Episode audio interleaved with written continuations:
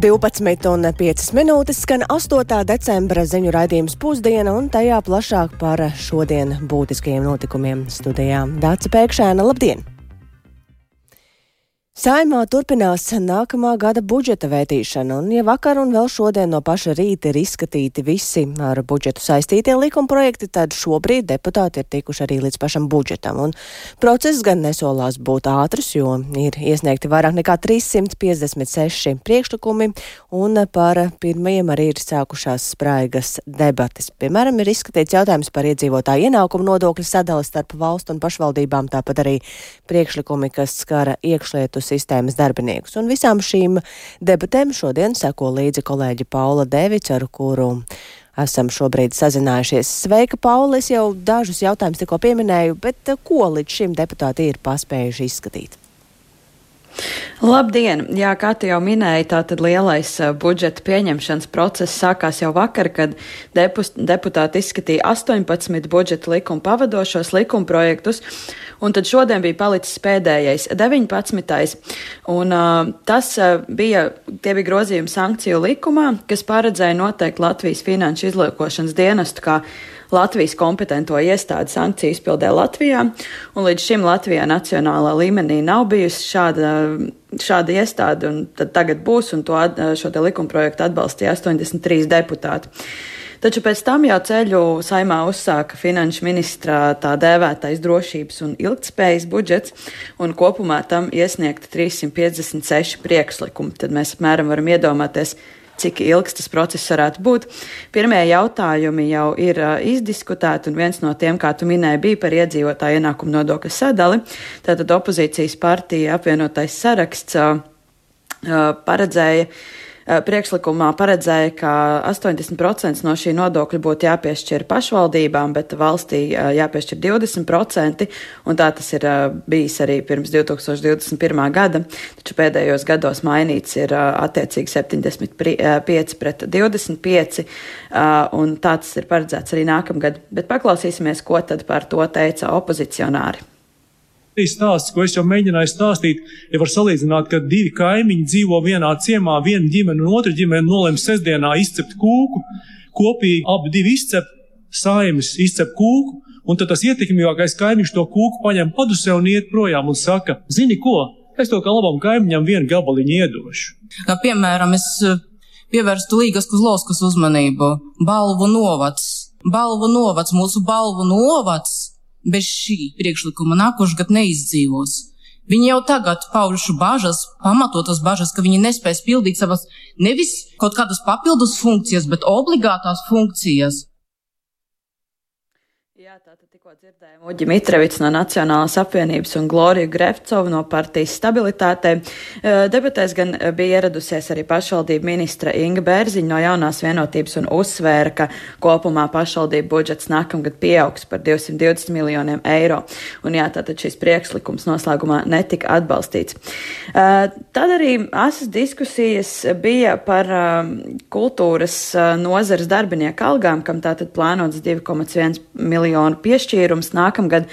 Un uh, rēķinot uh, šo te piešķīrumu, tātad uh, plānots, ka vidēji varētu līdz 6% pacelties algas. Un, uh, tas nozīmē, ka, piemēram, Latvijas Nacionālā simfoniskā orķestra darbiniekam uh, algas pieaugs vidēji par 100 eiro pirms nodokļu nomaksas. Opo opozīcijas deputāti gan nav ar to mierā un uzskata, ka tas ir nepietiekams. Un paklausīsimies, ko par to saka Česlavs Bātņa no apvienotā saraksta. Šonadēļ kultūras ministri ar savu biroju sasauca vadošos Latvijas dirigentus. Kā jūs domājat, kas notika tajā kabinetā? Nevis pateicās par viņu darbu, bet tika kaunināti. Kā jūs vispār uzdrošināties prasīt kaut ko vairāk? Mēs jums iedosim vēl vienus 3,9 eiro. Jums jābūt pateicīgiem. Nevis tagad jāsaka, jāizpauž savs sašutums. Nu, tiešām man kauns par valsti. Man kauns, ka mēs nepildām solījumus un pasniegt to kā milzīgu sasniegumu. Nu, tas ir tāpat kā PVN. Pieci ir vairāk nekā 12. Paldies! Jā, protams, priekšlikums tāpat guva atbalstu, neskatoties uz to. Un, jā, šobrīd tātad deputāti pievērsušies citiem jautājumiem un pārsvarā tie saistīti ar ieplānotā budžeta līdzekļu pārdaldace.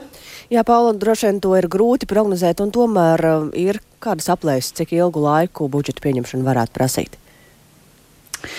Jā, grūti prognozēt. Tomēr šobrīd izskatīti 33 priekšlikumi. Politiķi ir solījušies budžetu neskatīt naktī, kā tas iepriekš ir noticis. Tomēr ir noteikts laiks no 9 rītā līdz 9 vakarā. Un, jā, tā kā mēs redzam, ka izskatīt 33 priekšlikumu no vairāk nekā 350, tad nu, varētu paredzēt, ka pretēji vēl vakardien esošajām cerībām par to, ka budžetu varētu pieņemt šodien, es domāju, ka tā visticamāk nenotiks un budžeta pieņemšana ievilksies vēl arī brīvdienās. Dace. Paldies Paulai Devicai. Tātad uh, turpinās nākamā gada budžeta skatīšana. Cik ilgi tā turpināsies, pagaidām grūti prognozēt, bet, nu, visticamāk, tā varētu arī ieilgt. Bet skaidrs gan ir tas, ka mūsu valsts budžeta veidošana ir ietekmējuši arī notikumi Ukrainā. Nevelti viena no prioritātēm ir tieši drošība. Un par uh, Ukrainu runājot, tad um, pēdējā laikā arvien vairāk izskan runas par nogurumu no kara un par to, ka mazinās palīdzība Ukrainai.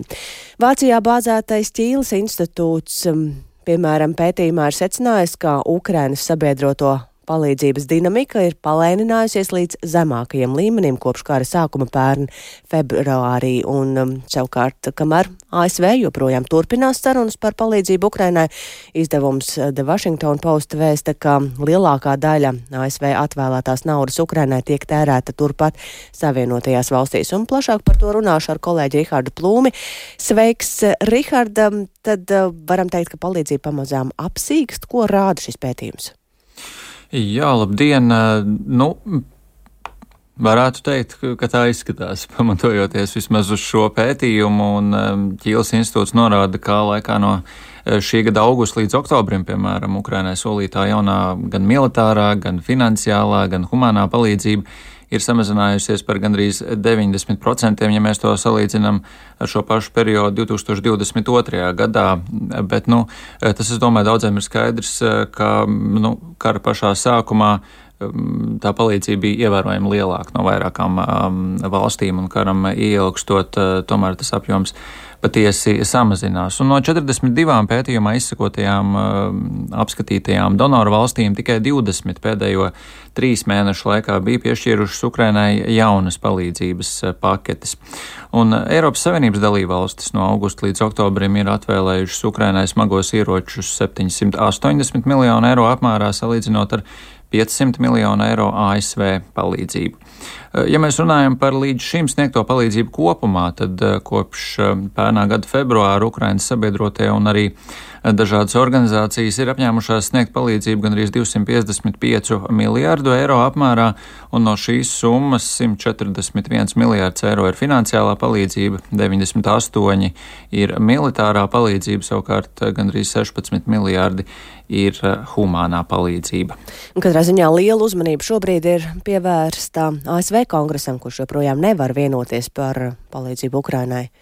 Jā, sarunas starp politiķiem um, tur okeāna otrā pusē joprojām turpinās, ir mēģinājumi to atrisināt, um, jo trešdien šonadēļ ASV senāts uh, nobloķēja šo te Baltā nama lūgumu piešķirt 106 miljārdus dolāru lielu ārkārtas palīdzību, kas uh, pamatā bija domāta tieši Ukrainai un arī Izrēlai. Un, um, tagad arī oficiālā vizītē Vašingtonā ir ieradies um, Lielbritānijas ārlietu ministrs Deivids Kemerons. Uh, arī viņš ir izmantojis iespēju un mudinājis ASV likumdevējus apstiprināt jaunu palīdzību Ukrainai, un uh, viņš uh, norādījis, uh, ja netiks nobalsots par uh, šīs palīdzības piešķiršanu, tad būs jau tikai divi cilvēki, kas smaidīs un kuriem tā būs kā savu veidu Ziemassvētku dāvana, proti tie būs uh, Krievijas un Ķīnas līderi.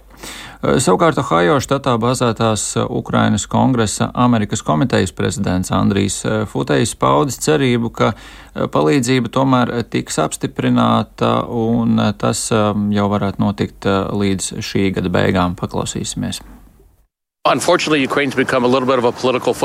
Diemžēl Ukraina šajā visā ir kļuvusi mazliet par politisko futbolu, un Ukraina vairs nav lielāko plašsaziņas līdzekļu pirmajās lapusēs, tāpēc sabiedrība uzskata, ka Ukrainā viss varbūt ir kārtībā.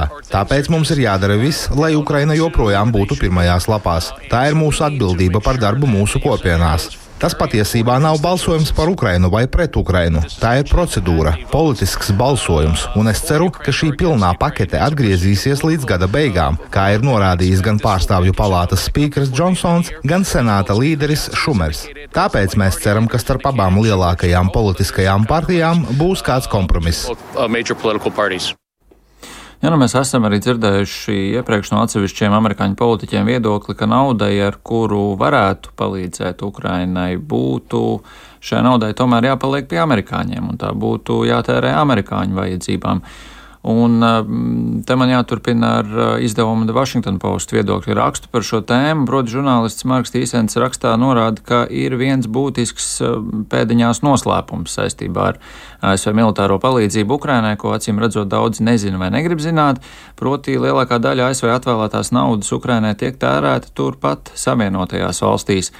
Līdzekļi tiek izmantoti 31 štatā un 71 pilsētā, lai ražotu jaunus ieročus, ar ko tad palīdzēt Ukrainai, vai arī tiek ražot, lai aizstātu jau tos, kas uz Kievu jau ir nosūtīti no ASV krājumiem. Un no 68 miljardiem ASV dolāru militārās un ar to saistītās palīdzības, ko kongress ir apstiprinājis kopš Krievijas iebrukuma Ukrainā, tiek norādīts, ka gandrīz 90% tiek piešķirti pašiem amerikāņiem. Tā liecina žurnālistu veiktā analīze. Būtībā palīdzība Ukrainai eh, nodrošina lielu naudas iepludināšanu rūpnīcās eh, visā Amerikas, eh, visās Savienotajās valstīs, un tas tieši dod labumu amerikāņu strādniekiem. Un neapšaubām tas rada arī darba vietas un iespējas vietējiem piegādātājiem, arī veikaliem, restorāniem un citiem uzņēmumiem, kas tad attiecīgi atbalsta un apkalpo šīs rūpnīcas, kurās ieroči tiek ražoti. Žurnālists arī raksta, ka 31 senators no pārstāvju palātas 31 senators un arī pārstāvju palātas loceklis, kuru štati vai apgabali gūst labumu no finansējuma Ukrainai. Šie visi politiķi ir nobalsojuši par pretošanos palīdzībai Ukrainai vai vismaz par tās ierobežošanu. Tāda, tāda lūk secinājuma no žurnālista Washington Post. Jā, nu tas par atbalstu, bet ir kaut kas jaunākais, ko mēs varam teikt par um, situāciju frontē.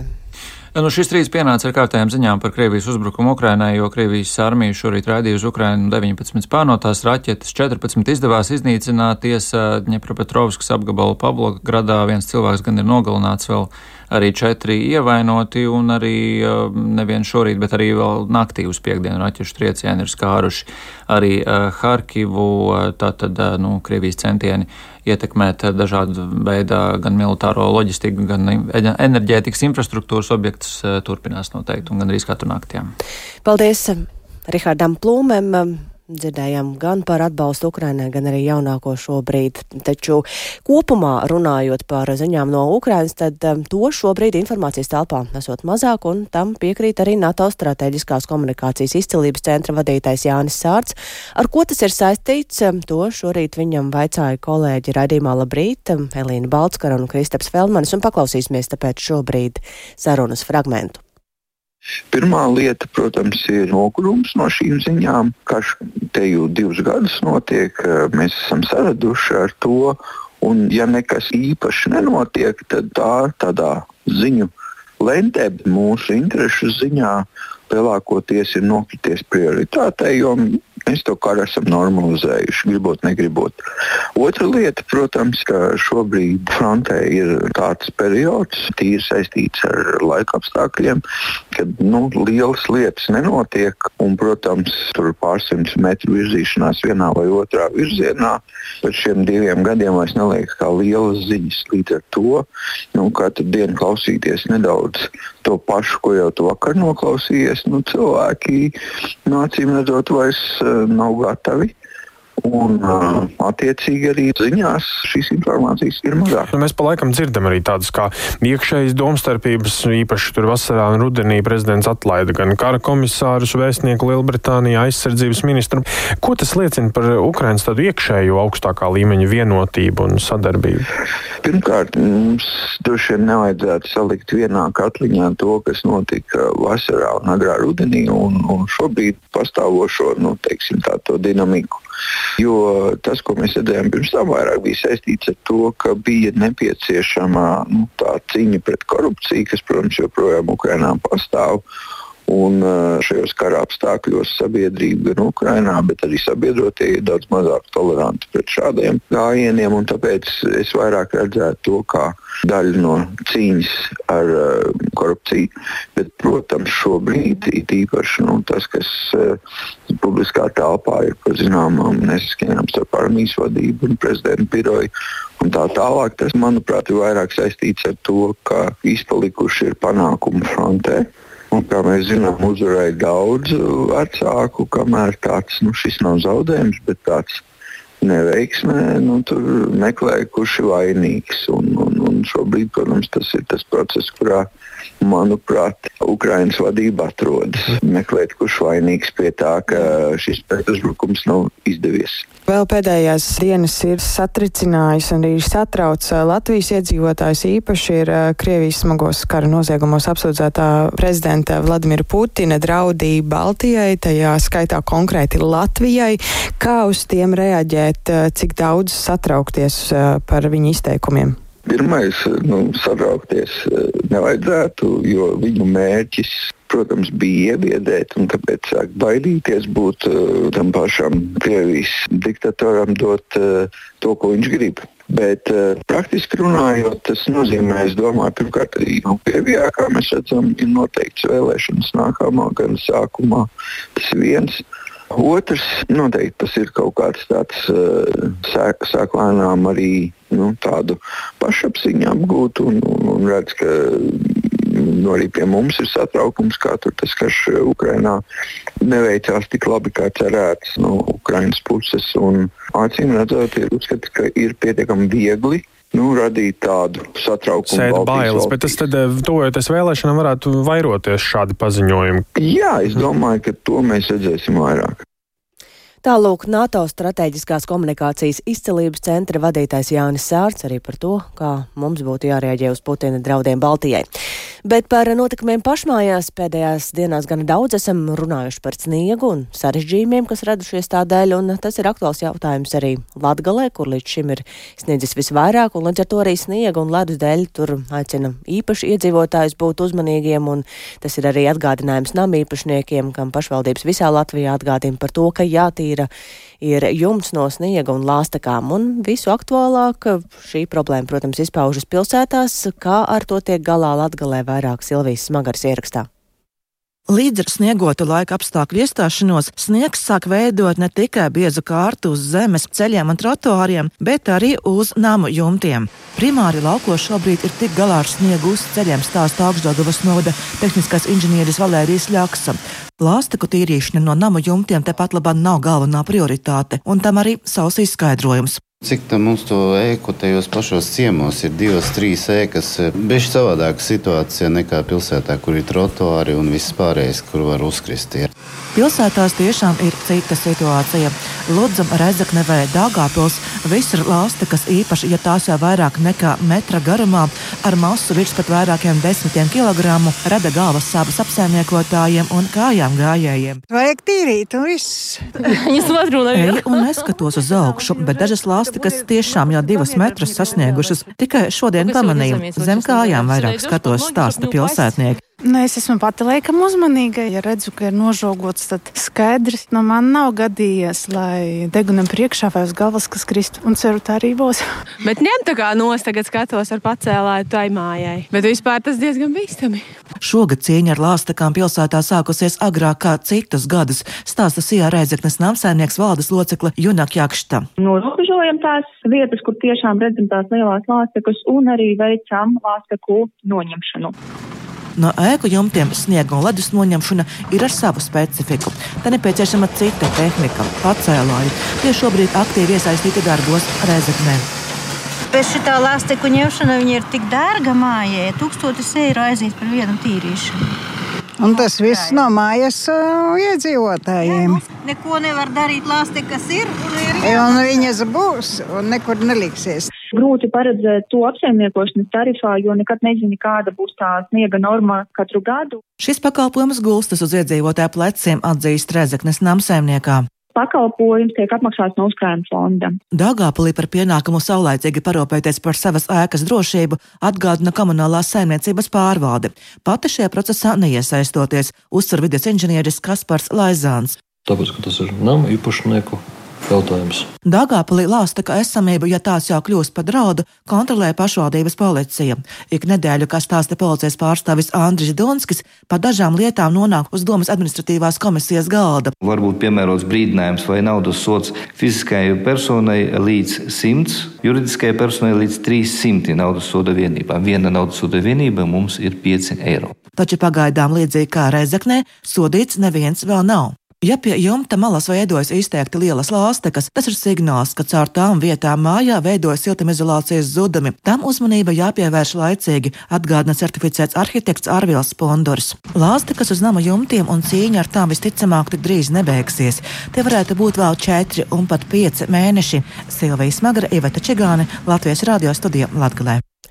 Tas par sniegu un ledu latgalē, bet Rīgā problēmas un sašutumu ir radījis tieši notīrītais sniegs. Tas ir tāpēc, ka tas ir izgāsts Rīgā Nordeču parkā un ir runa par lielu daudzumu sniegu un smiltīm, kur visticamāk esot arī augiem kaitīgā sāls, ko izmanto kā pretslīdes materiālu. Un par notikušo trauksmi ceļ vietējā apkaimes biedrība, sakot, ka tik brutālu attieksmi viņi vēl nesot pieredzējuši un iedzīvotāji arī vērsušies pie pašvaldības policijas. Aizdomas krīt uz uzņēmē, kas par parka tuvumā pārbūvē piektā tramvaja līniju. Parka apsaimniekotājs Rīgas meža norāda, ka sniega izvešana nesot bijusi saskaņota, bet vairāk par visu ir gatavs stāstīt kolēģis Viktors Demīdovs. Viņš šobrīd studijā. Sveiks, Viktor, un kas tev ir zināms šobrīd vairāk par šo visu situāciju? Jā, labdien! Nu, trauksmi par nekārtību Nordeģu parkā ceļ Ilģiciem iedzīvotāji, kuri pēdējās dienās redzējuši, kā no kravas mašīnām parkā izgāž sniega kaudzes. Viņu prāt, tas ir no ceļiem notīrīts sniegs, kurā ir arī smiltis, un to var redzēt sociālajā platformā Facebook, kur vietēja apkaimes biedrība ir publicējusi vairākas fotogrāfijas. Kadros ir redzamas arī kravas mašīnas un to numuri, un pastāv liela iespēja, ka sniegā ir arī sāls, kas bojā kokus un krūmus, un vairāk par to stāsta dzirciem un ilģuciem apkaimes biedrības valdes locekle Agrita Kijopa. Nu, kā vispār ienākt kādam prātā uz zaļas zāles parka teritorijā, kur tie cilvēki pastaigāties ar bērniem, suņiem, sagāzt cāļu sniegu? Nu, iedomājieties, kas tur būs, kad viss tas sals aizies zemē, tur viss iznīks. Nu, nu, tik brutāli neviens nav rīkojies. Saprotam, ka var kļūdīties, bet nu, tās kļūdas vajadzētu labot un to sniegu no turienes raiti aizvākt. Par iespējamo kaitējumu vidē ir satraukušies arī uzņēmumā Rīgas meži, kas apsaimnieko Nordiķu parku. Viņu prāt, sniegs ir atvests no sloks ielas, kur ceļu kais ar smilts un sāls maisījumu.